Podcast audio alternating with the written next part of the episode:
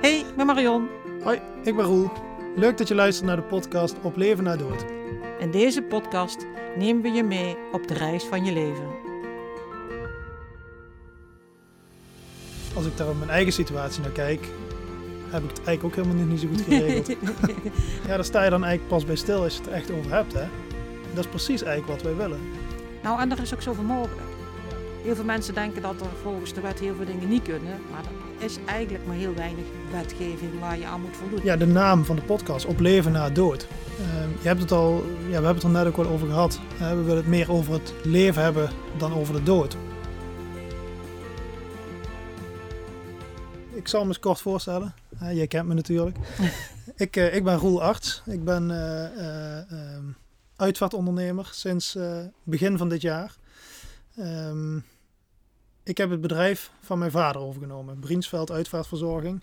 En wij, ehm, wij werken in Venray, in de gemeente Venray en de Kerkdorpen. Ehm, mijn vader heeft dat 23 jaar geleden opgericht. En ik ben daar, nou ja, voor een jaar of, eh, of tien ben ik daar ingerold. Ik, ik studeerde HBO-verpleegkunde. En ik kreeg de kans eigenlijk om in het bedrijf van mijn vader mee te gaan kijken. Want het sluit toch wel aan bij mijn achtergrond als verpleegkundige.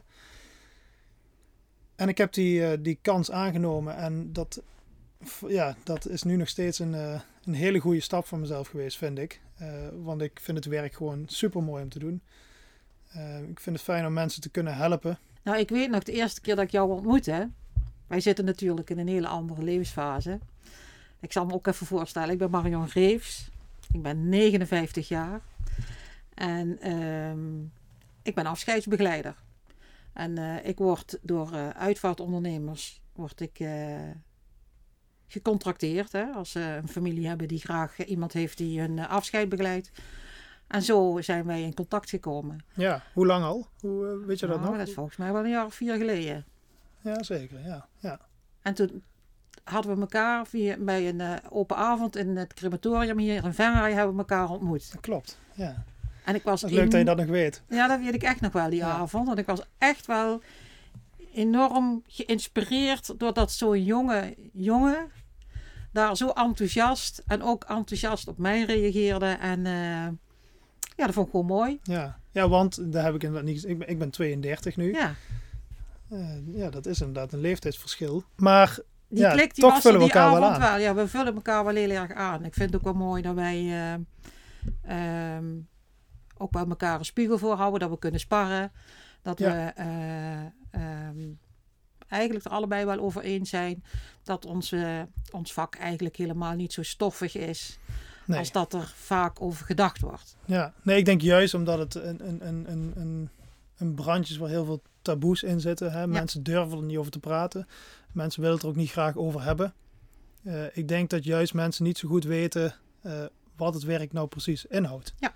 Eh, wat het dan juist zo mooi maakt. En, en, niet, en dus inderdaad zo sexy. Ja. Ja. Ja. Maar ja, waar wij het al, al van begin af aan heel duidelijk over eens waren. Dat ons beroep eigenlijk niet zo over de dood gaat, maar over het leven. Ja, precies. Ja. Kijk, natuurlijk, als wij komen, dan is er, dan gaat er iemand overlijden of dan is er iemand overleden. En eh, dat verdrietig stuk, dat, eh, dat is er nu eenmaal. En daar is ook ruimte voor. Maar al heel snel gaat het over wie die persoon was. Ja, Want laten we eerlijk zijn, iedereen is uniek.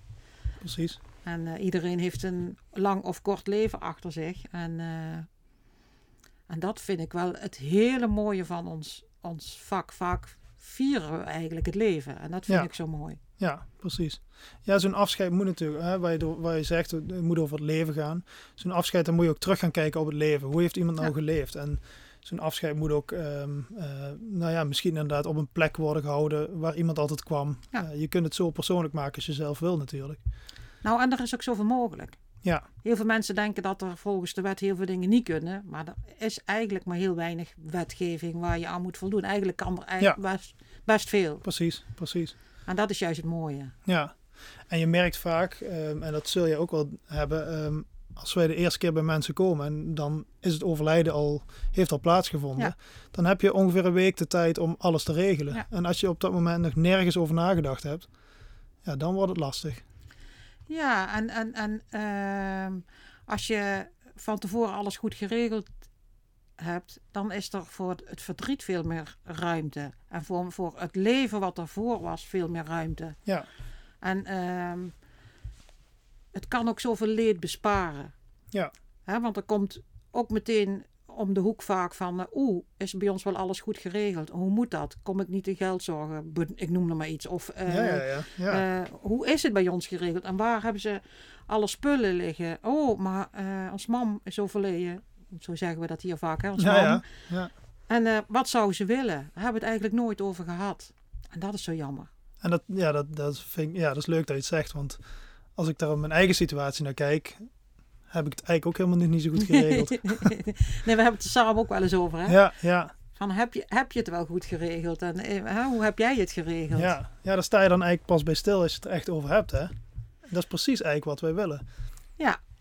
Maar goed, ehm, ik zelf heb ermee te maken gehad dat mijn vader op mijn negen overleed. En mijn man, zijn moeder, is ook al op, toen was hij tien. En bij ons thuis, wij hadden een, een onderneming en er was, waren echt heel veel zorgen. En dat heeft mij altijd heel erg getriggerd van, dat kan niet, bij mij moet het goed geregeld. Ik heb ook alles verzekerd. Ja, je kunt het zo gek niet noemen.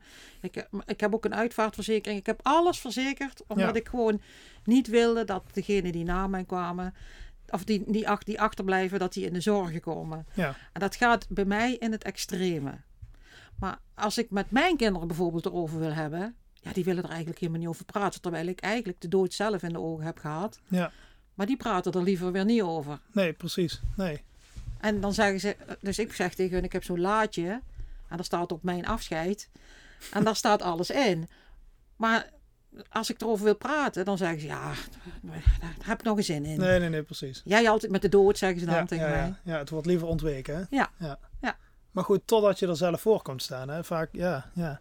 Maar dat is natuurlijk het vervelende. Je, je, vaak ga je pas over iets nadenken als je ermee te maken krijgt. Ehm, maar in dit geval ehm, is dat natuurlijk jammer. Want je kunt er eigenlijk veel meer uithalen nog. Zeker.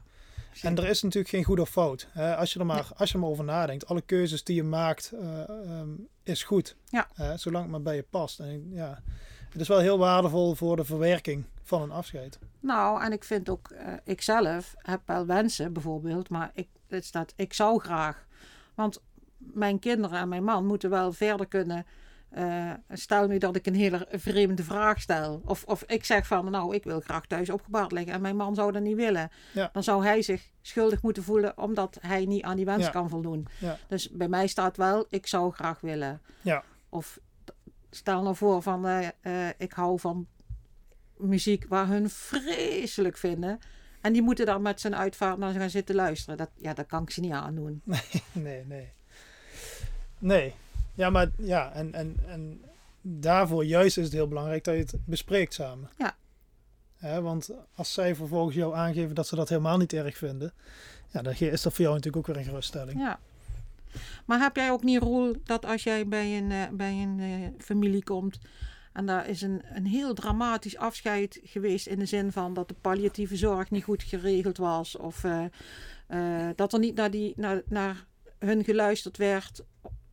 Zeker nu in die coronatijd hebben Ja. we toch wel heel veel... dat ze niet in de gaten hadden dat de dood nabij zou zijn... dat er moeilijk afscheid is kunnen nemen. En, Je merkt dan dat het allemaal zo hectisch gaat. Ehm, en dat mensen de eerste dagen na het overlijden nog steeds bezig zijn met eh, hoe heeft dit kunnen gebeuren? Ja. Hoe hadden we dit niet anders kunnen doen? Ja. Ehm, ze had Terwijl je eigenlijk al bezig moet zijn met het afscheid vormgeven. Ja. Ehm, ja, zeker. zeker. Dat, daar kom je geregeld toch tegen. Ja, Maar daarom vind ik het ook zo belangrijk dat we juist in onze podcast al die professionals aan het woord laten. Dat ze ja, hè, van eh, de mensen die met palliatieve zorg of met euthanasie, maar ook de mensen die eh, financieel, eh, financiële adviseur, notaris. ehm, om, dat die eens laten weten van wat zou je eigenlijk kunnen regelen bij het leven. ja, Maar, maar ook, ik denk ook wel dat ik zorgprofessionals een spiegel voor wil houden. Dat, eh, eh, dat er toch wel echt beter geluisterd moet worden naar eh, degene die, die, aan, die komt te overlijden, maar ook de familie. Hè? Want ze, kennen elkaar heel goed. En als Ja. er aangegeven wordt dat er pijn is, of doe er dan iets mee. Want dat is zo belangrijk voor als het als ze bij het afscheid nemen en bij de rouw daarna. Zeker. Of, de rouwverwerking is gewoon een heel belangrijk onderdeel. Ja.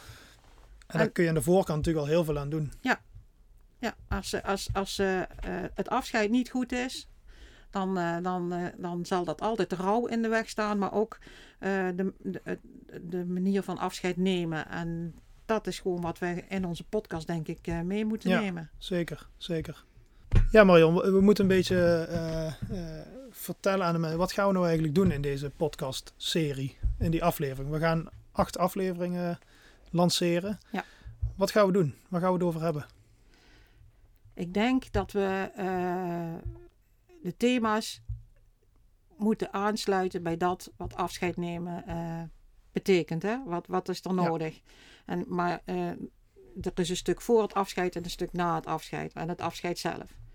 En eh, voor het afscheid kun je heel veel dingen regelen die na het afscheid je nabestaanden makkelijker maken. Dus eh, we, zouden, we gaan met een notaris in gesprek. We gaan met een financieel adviseur in gesprek. Maar we gaan ook met eh, artsen in gesprek die vooral in het palliatief stukje bezig zijn. Maar we gaan ook met een hospice in gesprek. Gaandeweg groeit, groeit de podcast natuurlijk. Maar ook van eh, wat is wat zijn eh, een afscheid, waar moet je aan denken? Eh, maar ook wat gaat het een beetje kosten? Moet het, is het heel duur? Is het niet heel Ja. duur? Waarom, waarom kost het wat het kost? En dan daarna de rouw. En hoe neem je kinderen mee in een afscheid? Maar dat echt wel allemaal niet door ons verteld, maar wel echt aan de specialist overlaten. Want natuurlijk hebben wij zelf ook nog heel veel vragen. Ja, ja. Ja, wij kunnen mensen natuurlijk meenemen in de ervaringen die we hebben. Ik bedoel, we hebben allebei flink wat ervaring. Alleen, ehm, we hebben ook vragen. Ik bedoel, ik heb ook wel eens vragen van, goh, hoe zit dat nu? Of, eh, en zeker ook of wat met ons eigen leven te maken heeft. eh, hè? Want er zal ongetwijfeld bij ons nog een keer een, eh, een lampje gaan branden van, ho, dat hebben wij zelf helemaal nog niet zo Ja, ja. voor elkaar. En, en zo willen we gewoon iedereen meenemen op een ongedwongen manier. En ik hoop dat eh, mensen eens gaan praten, net zoals de sierencampagne, praat erover, niet eroverheen. Ja, Dat we, dat die sluit we, mooi aan. ja, dat we mensen eens aan, aan het denken zetten. Maar dan komen we op de naam, want eigenlijk komt die van jou, hè? Nou ja, goed, ik, ik ben ook benieuwd, want je hebt die onderwerpen. Dat zijn de onderwerpen die wij zelf natuurlijk bedacht hebben. Ja. Ehm, maar nog mooier is natuurlijk om aan te sluiten op wat de wens van de luisteraar is. Ja, daarom ook een Q&A, hè? Dat Ja. we wel heel erg...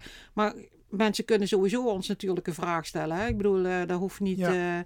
eh, dat, Graag. tussendoor, ik bedoel, eh, kom, kom met de vragen, want wij behandelen ze gewoon eh, door, de, door de, de afleveringen heen. Dus eh, juist heel graag input.